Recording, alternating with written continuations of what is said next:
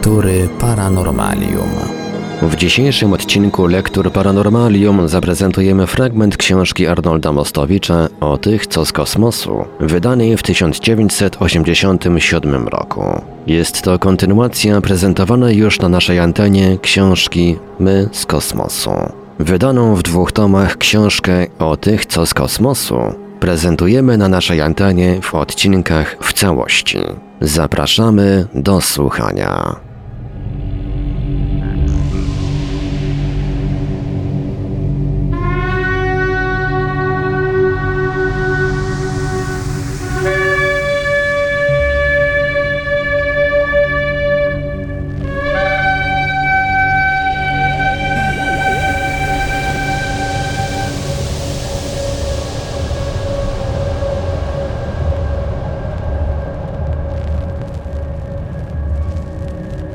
Biochemia. Do niektórych spraw poruszonych w poprzednim rozdziale jeszcze wrócimy. W każdym razie, jak widać, dowód przeprowadzony jest przez Sasuna i Dale'a w sposób konsekwentny, a argumenty, przyznać trzeba, nienaciągane. Jak już to podkreśliłem, trudno wyobrazić sobie racjonowanie jakiegoś produktu dostarczonego konsumentom bezpośrednio przez przyrodę. Zbieractwa kontrolować nie można. Racjonowanie i kontrola możliwe są tylko wtedy, kiedy istnieje centralne rozprowadzanie jakiegoś produktu, a nie wtedy, kiedy kilkaset osób jednocześnie zbiera ten produkt z ziemi czy z drzewa. Kto mógł kontrolować rozdzielnictwo manny? Oczywiście mogli to robić tylko kapłani. To kapłani wiedzieli, że mannę wyrabia maszyna. Dla pozostałych Żydów każdorazowe otrzymanie omeru manny graniczyło z cudem. Dla nas dzisiaj techniczny opis takiej maszyny czy jej wygląd to oczywiście żadna rewelacja, natomiast największą zagadką do rozwiązania byłaby technologia takiej produkcji. Cóż to było? Owa niebiańska rosa, z której powstawała manna. Do czego służyły owe zbiorniki zwane czaszkami? Czym była owa broda? Pytań jest niemało, a Sasun i Dale udzielają na nie szczegółowej odpowiedzi. Przy czym przyznać trzeba, że mieli tutaj zadanie w pewnym sensie ułatwione, o czym szerzej za chwilę. Autorzy angielscy doszli do wniosku, że manna produkowana była z alg, czyli glonów. Nazwą tą obejmuje się najprostsze, samożywne, fototropiczne rośliny zarodnikowe występujące najczęściej w wodzie. Algi charakteryzują się wysoką wartością odżywczą, jak też niezwykle szybkim rozmnażaniem się. Niestety w swojej formie pierwotnej są niejadalne. Algi uprawiane w wodzie przybierają na wadze i objętości nie z wody, jeśli tak wolno rzec, ale z powietrza. Powietrze zawiera wszystkie elementy niezbędne do rozmnażania się, a więc do uprawy alg.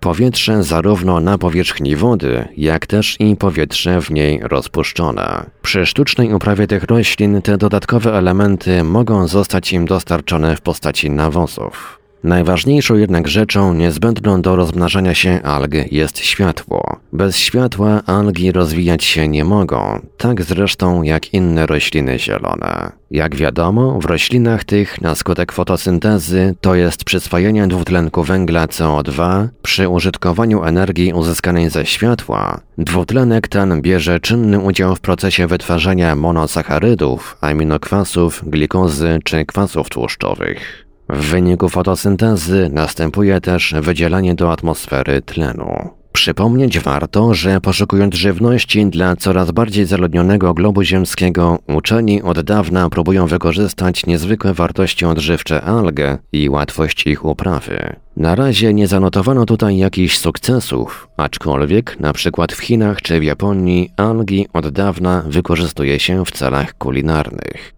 Do prób czy doświadczeń, które pozwoliłyby wykorzystać walory glonów, używa się najczęściej jednego ich rodzaju, a mianowicie chlorelli. Chlorella rozmnaża się niezwykle szybko. Każda komórka tego glonu dzieli się na 2, 4, 8 czy 16 tzw. Tak autospor, które opuszczają macierzystą komórkę poprzez jej pękniętą błonę. Autospory, zarodniki poza komórką rozpoczynają cały ten prosty cykl od nowa. Dzięki temu chlorella pozwala odzyskać z małej stosunkowo powierzchni wody duże ilości cennej materii organicznej. Jak podaje nasza wielka encyklopedia powszechna, może wyprodukować w ciągu roku z jednego hektara powierzchni wody 120 tysięcy kilomaterii organicznej a zawiera ona około 50% białka, 35% węglowodanów i 5% tłuszczów. Powiadają Sasun i Dale. Cytat. Należy więc przypuszczać, że maszyna do wytwarzania manny składała się z pewnej ilości zbiorników, w których znajdowała się woda z rozpuszczonymi w niej odpowiednimi składnikami.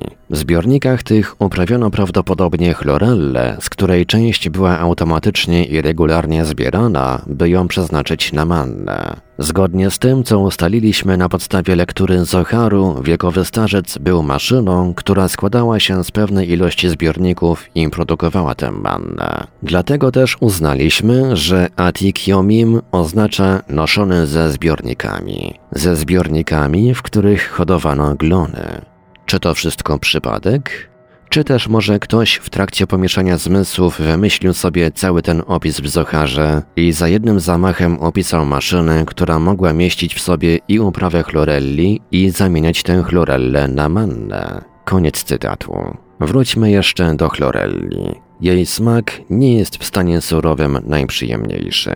Jeśli faktycznie, tak jak przypuszczają obydwaj autorzy, ów starzec wytwarzał z niej mannę, to musiał czynić znacznie więcej niż tylko zbierać jej nadmiar w zbiornikach zawierających uprawę tych klonów. Musiał ją gruntownie przetwarzać, musiał doprowadzić do tego, by miała smak miodu i konsystencję chleba. Z doświadczeń, jakie współcześnie przeprowadzali specjaliści, wiadomo z pewnością, że za pomocą pewnych dodatków można ten glon doprowadzić do tego, iż będzie dostarczał każdą dowolną mieszaninę białka, węglowodanów i tłuszczów. Glonom, tak jak i innym roślinom, niezbędne są do wzrostu rozpuszczalne w wodzie sole mineralne, światło, ciepło i oczywiście dwutlenek węgla. Zebraną chlorellę trzeba też odpowiednio przetworzyć. Jak to mogło wyglądać w maszynie opisanej w Zocharze, ilustruje załączony poniżej schemat takiej produkcji. Dodawanie soli mineralnych do roztworu odżywczego, w którym uprawiana byłaby chlorella, nie przedstawia w zasadzie żadnych trudności. Jeśli idzie o dwutlenek węgla, to w wypadku sztucznego, jak zresztą i doświadczalnego uprawiania chlorelli, trzeba by dwutlenek ten wraz z powietrzem wpompować do wody, by ją nim nasycić. Jeśli natomiast idzie o światło, to po to, by chlorella rozmnażała się i to szybko, niezbędne jest działające przez 24 godziny bez przerwy sztuczne światło. Najlepszy wzrost chlorelli obserwuje się w temperaturze wahającej się między 20 a 40 stopniami Celsjusza. Wreszcie sam zbiór chlorelli powinien być niezwykle wyważony. Nie wolno zbierać zbyt wiele, aby nie pozostawić zbyt małej jej ilości dla zastąpienia ubytku. Nie wolno też zebrać jej zbyt mało, aby masa jej w wodzie nie była zbyt wielka i aby się glony po prostu nie podusiły. I do tych spraw za chwilę jeszcze wrócimy. Niemniej wydaje się, że jest rzeczą niezbędną, by cały ten proces omówić w szczegółach. Pomoże to wykazać, jak trafna jest hipoteza autorów maszyny do produkowania manny.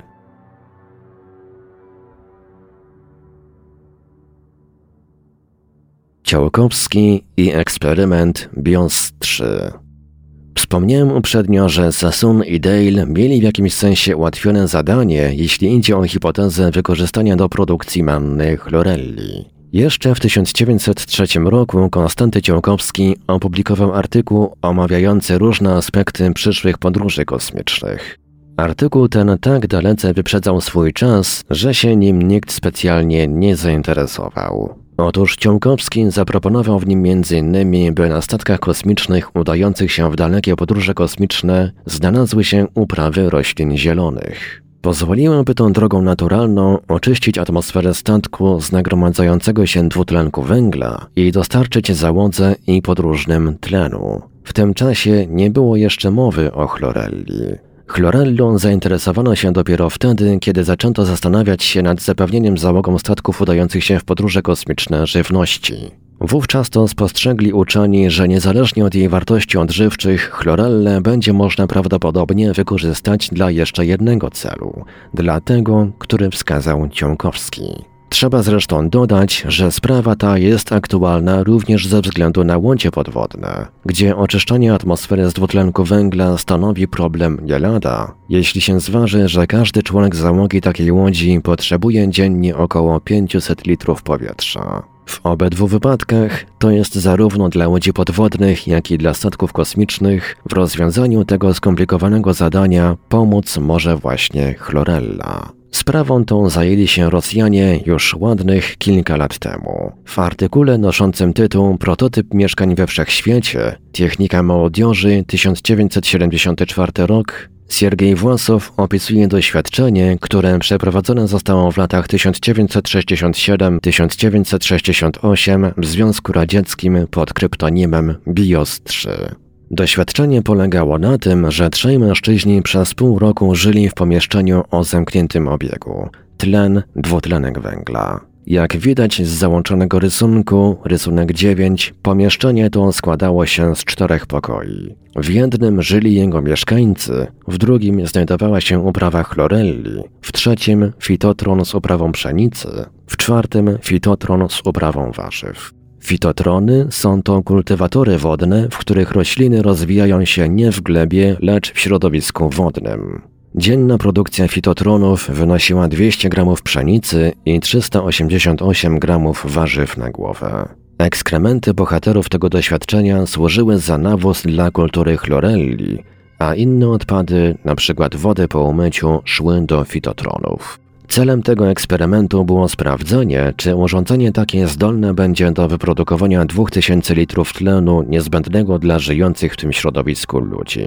Jak informuje autor, można było całość przystosować jeszcze bardziej do warunków panujących podczas lotów kosmicznych, gdyby bohaterowie doświadczenia odżywiali się odpowiednio przerobioną chlorellą, tak jak to według przypuszczeń Sasuna i Dale'a miało miejsce na Półwyspie Synaj. Uważano jednak, że nie będzie to pożywienie specjalnie apetyczne, natomiast wymiana dwutlenek węgla, tlen wypadła w tym doświadczeniu bardzo dobrze. Dodajmy, że ilość chrolelli użyta do tego doświadczenia była zgoła niewielka. Wystarczało 2,78 litra chlorelli uprawionych w 100 litrach wody, aby przez pół roku zaopatrzyć trzech mieszkańców w tlen. Jasną jest więc rzeczą, że swoje hipotezy, jeśli idzie o wykorzystanie chlorelli dla produkcji manny, autorzy mieli na czym oprzeć. Piszą oni, cytat, kiedy doszliśmy do wniosku, że wiekowy starzec to w rzeczywistości maszyna do wytwarzania manny, nie mieliśmy jeszcze pojęcia, jak mogła ona działać. Wydawało nam się, że ilość chrolelli uprawiona do takiej produkcji musi być olbrzymia, a i pomieszczenie do jej uprawy wodnej musi być rozmiarów potężnych. Postanowiliśmy więc prowadzić dalsze badania i okazało się ku naszemu zdumieniu, że zbiorniki takiej wielkości, jak to jest podane dla maszyny opisanej w Zocharze, całkowicie wystarczą. Zresztą możliwości są w takim wypadku po prostu nieograniczone, jeśli się zastosuje chociażby odpowiednią selekcję roślin i jeśli uwzględni się wszystkie warunki niezbędne do należytej uprawy. Całość produkcji manny, przepis Arnolda Mostowicza, mogła być wykonana przez maszynę, której wielkość była wystarczająco ograniczona, by bez trudu zmieścić się w przenajświętszym przybytku świątyni i wystarczająco lekka, aby niewielka grupa mężczyzn mogła ją nieść, kiedy zbiorniki były opróżnione. Koniec cytatu. Sassoon i Dale doszli do wniosku, że waga maszyny do wytwarzania manny nie musiała przekraczać 300 kg, także sześciu ludzi mogło ją bez trudu przenosić na dalsze nawet odległości. W następnych rozdziałach książki Sassoon i Dale zajęli się szczegółami procesu produkcyjnego manny, tak jak to wyobrazić sobie można na podstawie dzisiejszego stanu techniki.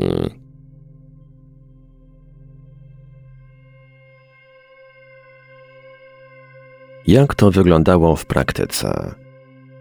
Jak wiadomo, zgodnie z zarządzaniami, które znaleźć można w Biblii, manny w sobotę nie wolno było zbierać. Inaczej mówiąc, każdego dnia maszyna musiała produkować o jedną szóstą więcej niż było to niezbędne dla 600 rodzin Izraela. Ta produkcja ponad normę zbierała się w jednym z dwóch zbiorników, które Zohar raz nazywa jądrami, a najczęściej wojskiem, czy też zastępami. W ten sposób w piątek obydwa zbiorniki dostarczały razem nie jeden, lecz dwa omery manny. Na podstawie bardzo skrzętnych obliczeń autorzy książki doszli do wniosku, że uprawa chlorelli, niezbędnej do wytworzenia takiej właśnie ilości manny, odbywać się mogła w zbiorniku o zawartości około 5000 litrów wody. Taki zbiornik mógł mieć średnicę około 2,15 metra, a więc jego wielkość nie była przesadnie duża. Ale jak powiedzieliśmy, nieprzetworzonej chlorelli nie można dawać człowiekowi do jedzenia.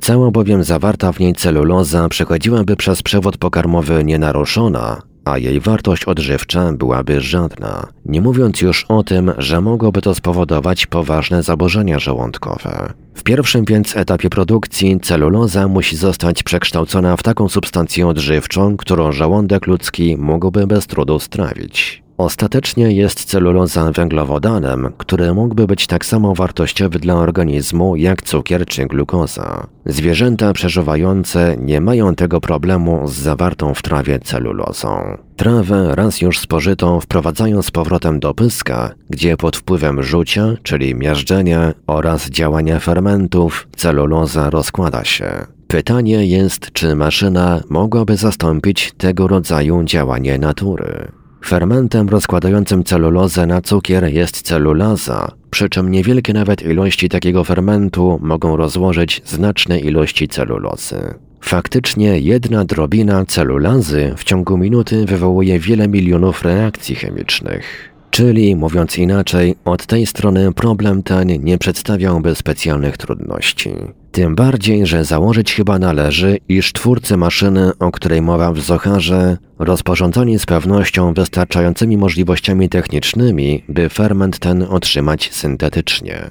Samo jednak rozłożenie celulozy nie może dać jeszcze pożywienia, o którym uczeni w piśmie rabini twierdzili, że chleb anielski był przez nich, aniołów, w niebie przygotowany i że ludzie, którzy go spożywali, byli tak silni jak aniołowie. Co więcej, w Agadzie, będącej częścią Talmudu, znajdujemy jeszcze jedną informację i to frapującą. Otóż, jak się okazuje, po spożyciu tego chleba człowiek niczego z siebie nie wydalał, czyli innymi słowy mówiąc, był to pokarm doskonały, w całości wykorzystany przez organizm. Czy mógłby sobie ktoś coś podobnego wymyślić? Psalm 78, wersety 24-25 głosi, cytat. Spuścił im jak deszcz mannę na pokarm i dał im zboże z niebios. Wszyscy jedli chleb anielski, zesłał im żywności dosyta. Koniec cytatu. Ciekawe, że w języku hebrajskim chleb anielski tłumaczy się przez lejem abirim, a lejem abirim może znaczyć także chleb lecących. Latać nie musieli aniołowie, chyba że za aniołów uznano tych, co latali. W Biblii jest także mowa o tym, że manna miała smak placka z miodem. Oznaczałoby to, że celuloza została rzeczywiście przekształcona w cukier. Niemniej i to nie wystarczy jeszcze, by chlorelle wykorzystać jako pokarm. W ostatnich latach czynione były w tej dziedzinie pewne doświadczenia. Polegały one na tym, że zdrowym mężczyznom dawano do spożycia 150 gramów wysuszonej przerobionej chlorelli. Takie odżywianie doprowadziło do obrzęków, ran i chorób skóry.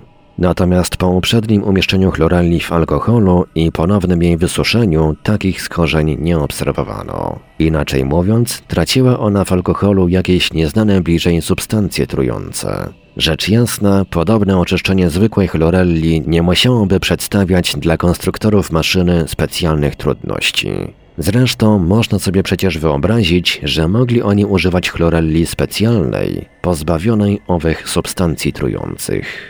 O mannie wiemy z Biblii, że była konsystencji grudkowatej. Maszyna więc, która wytwarzała taką mannę, musiała być zaopatrzona w urządzenie, które suszyłoby i rozdrabniałoby produkt otrzymany przy przeróbce oczyszczonej celulozy. Jednym słowem, cytat Nasza dzisiejsza technologia nie potrafi jeszcze być może skonstruować takiej maszyny, która mogłaby w ciągu 24 godzin i w tak niewielkiej przestrzeni przerobić 800 kg chlorelli na produkt nadający się do spożycia. Niemniej wiemy już dziś dostatecznie dużo, aby stwierdzić, że rzecz taką osiągnąć można. Dlatego też zakładamy, że maszyna do wytwarzania manny pochodziła z jakiejś technicznie rozwiniętej cywilizacji, która w niejednym nas wyprzedza. Wyprzedza nas na tyle, że nie zawsze potrafimy skopiować to, co sama potrafiła osiągnąć ale na pewno nie wyprzedza nas na tyle, abyśmy nie mogli zrozumieć, jak skonstruowana przez nią maszyna działała. Koniec cytatu. W otoczeniu sterylnym mogłaby taka maszyna pracować nieograniczenie długi czas. Ale, jak wiadomo, atmosfera nasza nie jest sterylna, w związku z czym do kultury, czyli uprawy chlorelli w wodzie, przedostawać się mogły bakterie, które z łatwością spowodowałyby zniszczenie uprawionych glonów. Dlatego właśnie musieli konstruktorzy maszyny uwzględnić konieczność regularnego zatrzymywania maszyny, opróżniania jej, oczyszczenia i dokładnego wysterylizowania. Oto przyczyna, dla której nie było manny w sobotę. Bo w sobotę personel zajmujący się obsługą maszyny czyścił ją dokładnie i intensywnie. Sobota to dzień świętego odpoczynku, a po hebrajsku święty, kadosz, znaczy także czysty. W pozostałe dni, jak relacjonuje Zohar, nad starcem, czyli nad maszyną, widać było opary dymu i unoszący się do góry słup ognia.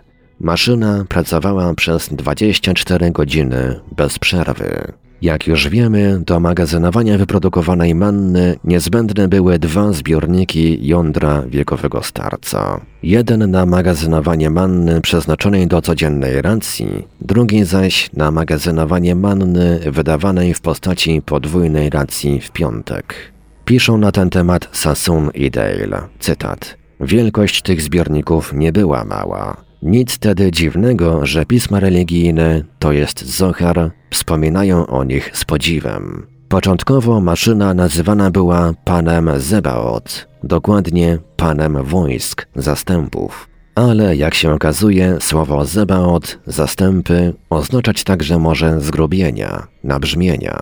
Takimi były zbiorniki z gotową manną. Przypis Arnolda Mostowicza. Później nazwa ta przeszła na Boga. Dzienna produkcja 600 omerów, to jest około 2200 litrów, musiała się zmieścić w jednym z dwóch zbiorników. O ile taki zbiornik był kulą, to jej średnica wynosiła około 1,62 metra. Inaczej mówiąc, nawet w porównaniu ze zbiornikiem na 5000 litrów wody z uprawą chlorelli, takie zbiorniki na mannę musiały stanowić element maszyny rzucający się w oczy. Koniec cytatu.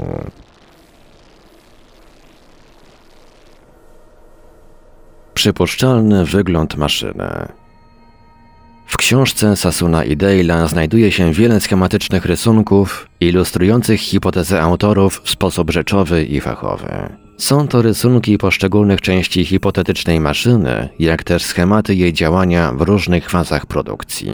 Nie zapominajmy, że obydwaj autorzy są specjalistami w zakresie projektowania i konstrukcji maszyn. Ilustracje te wywodzą się zarówno z ich doświadczenia i wiedzy, jak też z opisów Zoharu, a cały model powinien, przynajmniej sylwetką, przypominać postać ludzką. Model taki został zresztą przez autorów zbudowany. Oglądałem go w roku 1979 na zjeździe AAS w Monachium, gdzie wzbudził niemałą sensację. Wykonany był z plastiku i różnymi kolorami ubarwione były części, o których wspomina Zohar, niezbędne do sprawnego funkcjonowania maszyny. Jeśli idzie o wyjaśnienie roli poszczególnych części modelu widocznego na znajdującym się poniżej rysunku, to postaram się uwolnić czytelników od zawiłych miejscami rozważań lingwistyczno-konstruktorskich Sasuna i Dale'a, bowiem miast wyjaśnić zaciemniłoby to tok ich rozumowania. W wielu wypadkach autorzy angielscy odnajdywali sens konstrukcji pod podwójnym, a miejscami nawet potrójnym znaczeniem niektórych słów w języku aramejskim czy hebrajskim. Przypominam, że odkrycie drugiego znaczenia słów atik yomim pozwoliło rozszyfrować wiele innych terminów związanych z konstrukcją owej hipotetycznej maszyny. W poniższym wykazie cudzysłów umieszczony został jedynie przy terminach wziętych z Zoharu. Obok każdego terminu znajduje się jego przekład na język techniczno-konstrukcyjny, co pozwoli jednocześnie zrozumieć, jak maszyna do produkcji manny mogła działać. 1. Usta, przez które według Zoharu przepływać miał oddech życia. Według Sasuna i Dale'a jest to dopływ powietrza do maszyny wraz z siatką do zatrzymywania nieczystości. 2. Rura w kształcie pierścienia znajdująca się w 3 mózgu wiekowego starca. Jest nim podstawowe urządzenie do otrzymywania wody z powietrza. Gorące powietrze pustynne byłoby tu ochładzane na zimnej, szerokiej powierzchni, być może fałdowanej, a woda spadałaby w postaci kropel niebiańskiej rosy do odpowiedniego zbiornika. To, co w Zocharze nosi nazwę rosy, jest właśnie otrzymaną z atmosfery wodą. Mózg jest więc czymś w rodzaju kondensatora rosy. Kondensator ten przykryty jest cztery eterem, albo inaczej jeszcze przeźroczystym zewnętrznym mózgiem wiekowego starca, a w rzeczywistości prawdopodobnie jakąś przeźroczystą masą plastyczną. Woda z kondensatora spływa do 5 Wielkiego Morza, którym oczywiście jest zbiornik z uprawą chlorelli w wodzie, gdzie rozpoczyna się właściwa produkcja maszyny. Woda z chlorellą przechodzi przez sześć włosy z brody wiekowego starca, czyli rury, w których następuje wymiana gazowa absorbowanego dwutlenku na wydzielany tlen. W tych rurach woda z chlorellą naświetlana jest przez niewidoczne na rysunku umieszczone wewnątrz zbiornika ze znajdującą się w wodzie chlorellą źródło światła. Zbiornik z uprawą chlorelli zaopatrzony jest w 7 resztę, czyli wentyl bezpieczeństwa i 8 odpływy z mózgu, czyli wyloty ścieków. Ponadto zbiornik ten połączony jest z dziewięć trzema dolnymi oczyma, którymi są bardzo ważne zbiorniki zawierające sole mineralne za pomocą 10 kanałów dolnych oczu, czyli rur łączących. Światło i energia niezbędne dla funkcjonowania maszyny pochodzą z 11 naczyń krwionośnych zawierających ogień. Mógłby to być reaktor jądrowy, o którym szerzej będzie mowa w następnym rozdziale. Reaktor posiada 12 klucze, czyli zawory regulujące natężenie. Obsługiwanie maszyny następuje za pomocą 13 ręki małego oblicza, mechanicznej ręki i mechanicznej dłoni. Ze wspomnianego wyżej kondensatora 3 powietrze uchodzi przez 14 długi nos, czyli rurę z wentylem i jest skierowane do reaktora 11, by go ochłodzić. Następnie ponownie ogrzane ulatnia się przez 15 nos małego oblicza, czyli rurę wydechową. W ten sposób powstaje 16 słup dymu za dnia i słup ognia w nocy. Niewidoczna na rysunku pompa umieszczona w rurze wydechowej wytwarza podciśnienie, które jest niezbędne, by chlorellę skierować do 17 wydrążenia w mózgu małego oblicza. Inaczej mówiąc, do aparatury przetwórstwa manny. Pompa zaś do wytwarzania podciśnienia jest z drugiej strony przymocowana do tej aparatury za pomocą 18 brody małego oblicza, którą jest rura z wytworzonym w niej podciśnieniem. Wyprodukowana manna magazynowana jest w 19 zastępach, jądrach, czyli w gromadzących ją zbiornikach, a następnie po wypełnieniu ich kierowana jest na zewnątrz przez 20 penis, czyli rurę odprowadzającą mannę i 21 przykrycie penisa, czyli przez skórek regulujący odprowadzanie manny. Maszyna stoi na 22 nogach jak na sześciu słupach, czyli na sześciu nogach z otworami na drągi służące do noszenia maszyny podczas wędrówki przez pustynię. Nogi maszyny umieszczone są na 23 tronie, czyli na zwyczajnej platformie zbudowanej z materiału, jaki znajdował się do dyspozycji na miejscu postoju. Tron był niszczony, gdy maszynę opróżniano i przenoszono na inne miejsce. Całość, czyli maszyna nazwana wiekowym starcem, dzieli się na 24 starego, czyli na górną część, i na 25 małe oblicze, czyli część dolną. Między tymi częściami znajduje się 26 nagość, czyli część odgradzająca górę od dołu. Nazwa ta pochodzi stąd, że część tę odsłaniano za każdym razem, kiedy maszyna była czyszczona. Tuż pod nią znajdują się 27 korony małego oblicza, czyli specjalne płyty zdejmowane podczas czyszczenia maszyny i 28 ucho małego oblicza. Aparat służący prawdopodobnie do łączności radiowej z dyspozytorem znajdującym się na orbicie okołosiemskiej. I o tym szerzej będzie mowa w następnych rozdziałach. Oto jak wyglądać mogła maszyna, która produkowała przez 40 lat mannę. Nie trzeba być fachowcem, aby docenić wysiłek, fachowość i wyobraźnię włożone w tak bardzo techniczne rozwiązanie zagadki Zoharu. Na to, by zbudować taki model, Sassoon i Dale poświęcili wiele lat pracy.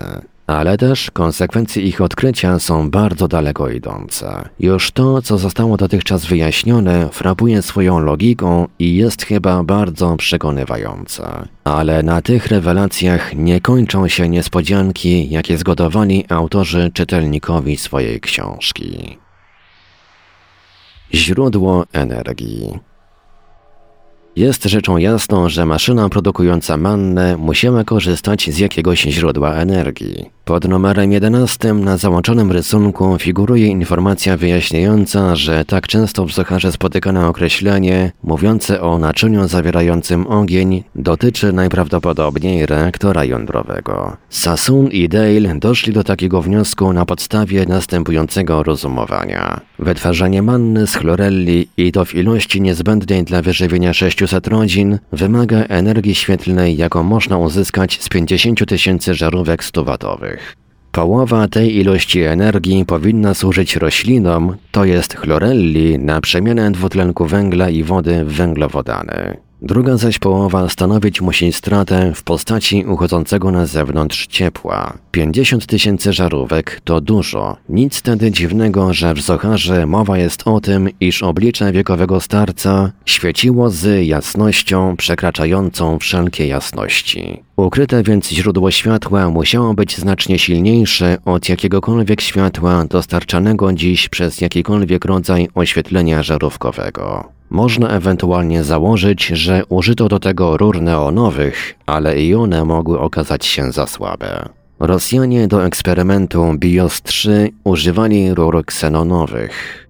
Po wielu rozważaniach i po żmudnej analizie całego problemu autorzy doszli do wniosku, że źródłem takiego oświetlenia mógł być tylko reaktor jądrowy. Natomiast zdaniem Sassona i Dale'a obyć się musiało bez pośrednictwa elektryczności, gdyż spowodowałoby to nadmierne wydzielanie ciepła. Jeśli więc nie elektryczność, to za pośrednictwem czego energia jądrowa przekształcana była w światło? Zacząć trzeba od przypuszczenia, iż reaktor jądrowy maszyny działał na bazie plutonu. W zasadzie już dzisiaj można budować podobne reaktory, które pozwalają na uzyskanie dużej energii za pomocą małej ilości tego pierwiastka. Taki reaktor jądrowy dostarczałby energii w postaci neutronów cząstek poruszających się z niezwykłą szybkością. Neutrony zaś w sposób pośredni ładowałyby laser, który by z kolei dostarczał światła niezbędnego do fotosyntezy. Przy czym, podkreślają autorzy, i takie urządzenie nie przekracza w zasadzie możliwości naszej współczesnej techniki. Wykorzystywane jest ono dla celów wojskowych. W przypadku maszyny produkującej mannę z chlorelli możliwa jest tu kombinacja reaktora i lasera, tak by promieniowanie tego źródła światła mogło być skierowane na wszystkie strony i dało maksimum efektu. Krótko mówiąc, piszą Sassoon i Dale, zgodnie z naszą wiedzą i zgodnie z tym, co sugerować mogą teksty Zoharu, źródłem światła dla maszyny wytwarzającej mannę służy ładowany neutronami laser, który pozwoliłby na bezpośrednią przemianę energii jądrowej w świetlną. Koniec cytatu. Nie zapominajmy jednak, że takiej maszynie nie tylko światło było potrzebne. Potrzebna jej była także energia do chłodzenia powietrza i otrzymywania wody, która gromadziła się w zbiorniku z uprawą chlorelli.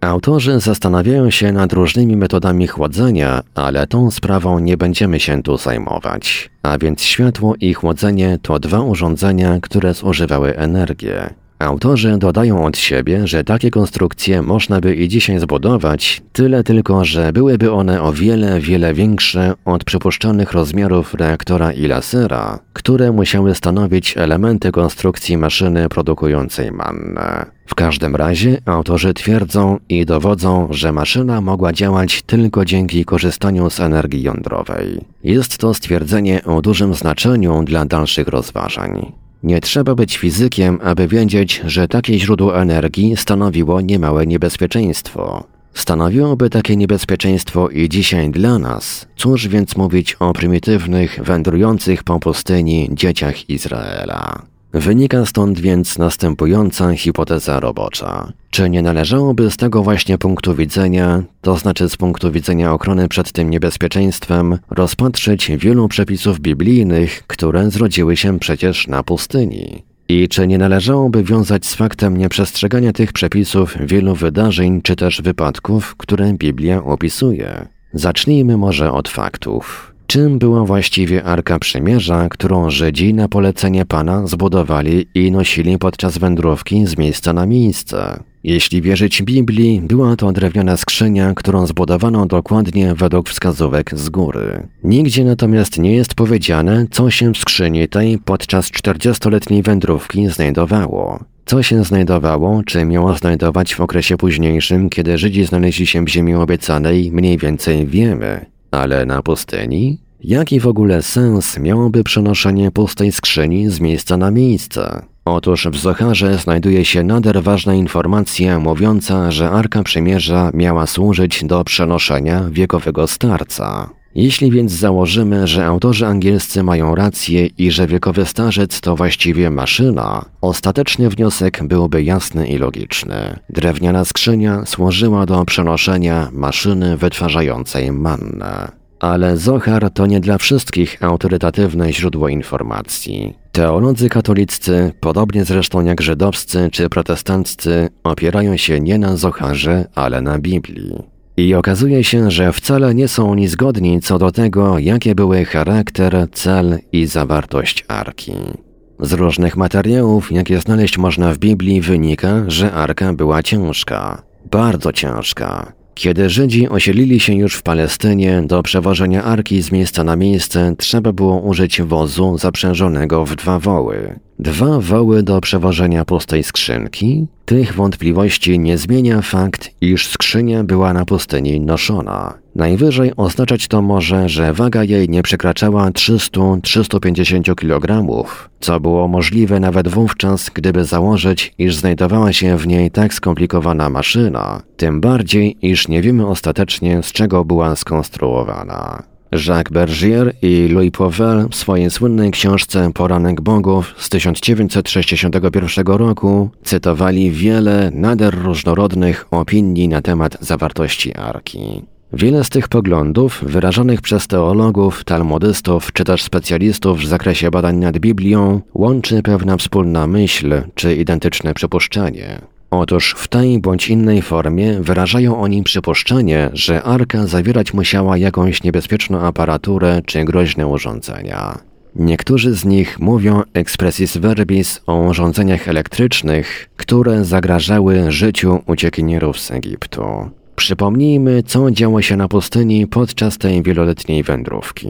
Jak wiadomo, Arka Przymierza na polecenie Pana była podczas postojów umieszczona przez Mojżesza i Arona w namiocie, w namiocie Przymierza. Mowa jest o postojach wtedy, kiedy zgodnie z hipotezą Sasuna i Dale'a maszyna pracowała i dawała mannę. Ale to nie wszystko. Namiot bowiem służący za pomieszczenie arki zbudowany był również według z góry wskazanego planu. Autorzy książki przypuszczają, że zmiana miejsca postoju wynikała z obawy przed nadmiernym skażeniem otoczenia. Zgodnie z rytuałem, namiot z arką nie mógł znajdować się bliżej wędrujących czy odpoczywających niż w odległości 2000 łokci, to jest około 1000 metrów. Gdy gasł ogień i znikał słup dymu nad namiotem, wiadomym było, że trzeba ponownie zwijać manatki i ruszać w dalszą drogę. Zbiorniki maszyny opróżniano, Tron, do którego była przymocowana, rozbijano. Poszczególne części maszyny przykrywano skórami i pochód ruszał dalej. Arka była noszona i obsługiwana przez kapłanów, którzy szli z nią na czele pochodu. W odległości około tysiąca metrów reszta ludu Izraela.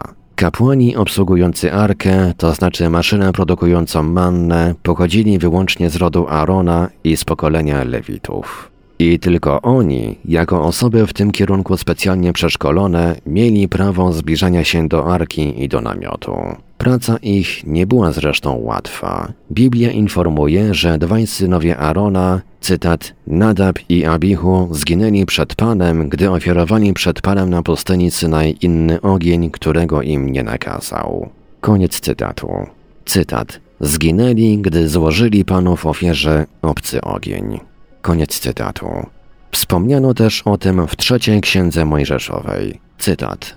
Synowie Arona, Nadab i Abichu wzięli kadzielnicę, każdy swoją, włożyli w nie ogień i nasypali nań kadzidła i ofiarowali przed Panem inny ogień, którego im nie nakazał. Wtedy wyszedł ogień od Pana i spalił ich tak, że zmarli przed Panem. Koniec cytatu. Jak przypuszczają Sasun i Dale, wobec tego, że słowa hebrajskie mają często kilka znaczeń, może to oznaczać zbliżenie się do strasznego ognia. Czyli, innymi słowy, byłby to pierwszy w historii opis wypadku przy pracy na skutek najprawdopodobniej naruszenia zasad BHP.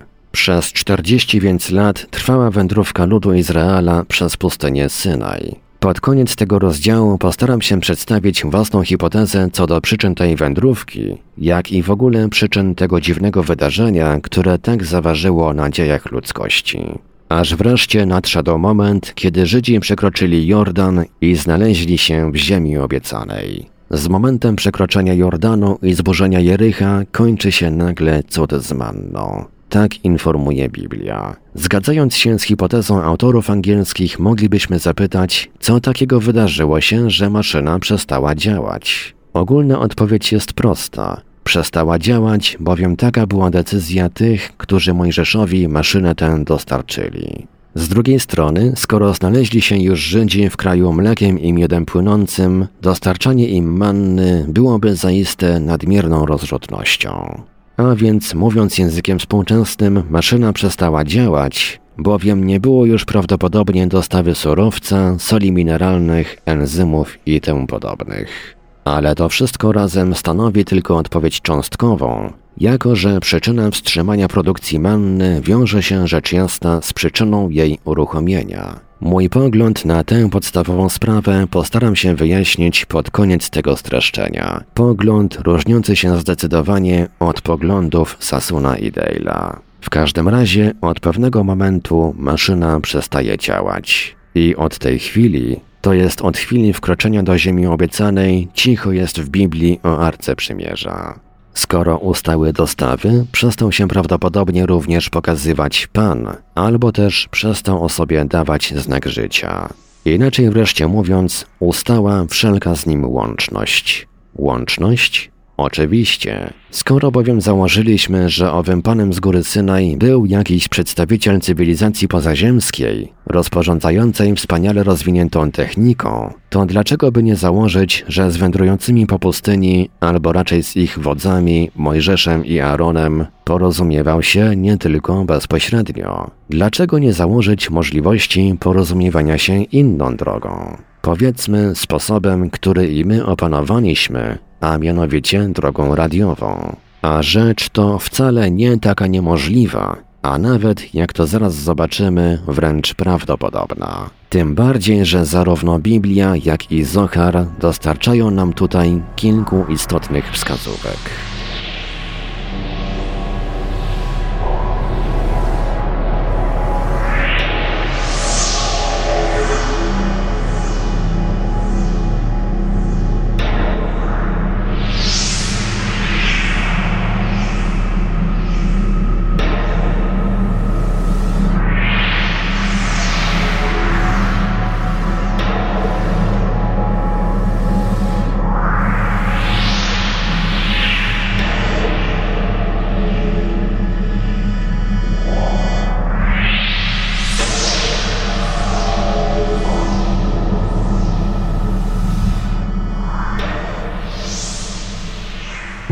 Paranormalium zaprezentowaliśmy fragment książki Arnolda Mostowicza o tych, co z kosmosu.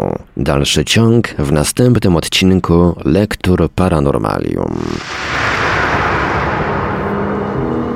Archiwalne odcinki Lektur Paranormalium znajdziesz do pobrania w archiwum naszego radia na stronie www.paranormalium.pl.